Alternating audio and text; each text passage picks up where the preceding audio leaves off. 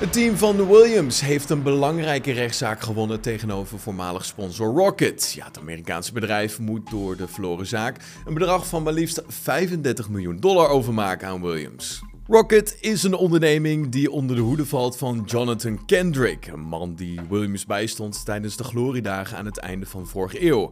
Het bedrijf produceert en handelt in telefoons, e-bikes en drankjes en is groot geworden op de Amerikaanse markt. In 2019 besloot Williams om een contract van 5 jaar aan te gaan met het bedrijf. Uiteindelijk is het dus geen gelukkig huwelijk geworden tussen die twee. Het team van Williams liet in juni 2021 weten de samenwerking met het bedrijf te stoppen. En de eerste rechtszaken waren al snel een feit. Nou, Williams die won de zaak nadat Rocket zich afhield van twee gesigneerde sponsorcontracten. Het bedrijf moest destijds 26,2 miljoen dollar plus een bonus overmaken naar het team van Williams. Daarmee was het einde nog niet bereikt, want volgens Williams waren er nog steeds bedragen die niet betaald waren door Rocket. De renstal die vervolgde zijn gang naar de rechter en na het nodige gekibbel over en weer in de media en de nodige uren bij de rechter lijkt dan nu toch wel echt de kogel door de kerk. Ja, Rocket dient Williams een bedrag van 35,7 miljoen dollar te betalen vanwege het schenden van contractuele verplichtingen. En daarmee lijkt er dus een einde te komen aan de hele soap.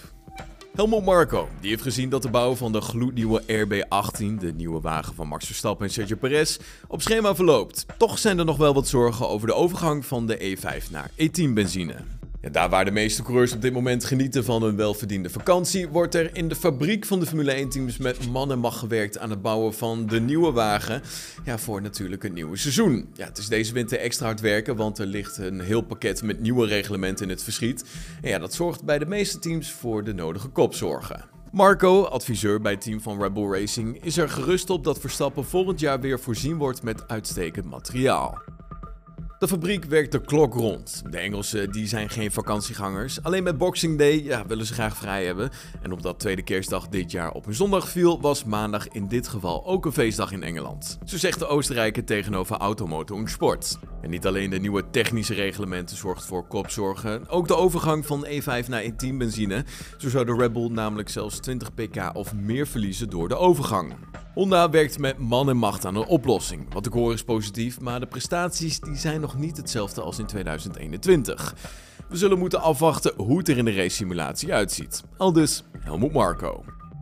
Dat was hem dan het nieuws van vandaag. Heb je genoten van deze aflevering? Laat van je horen op onze Apple Podcast pagina of volg ons op Spotify.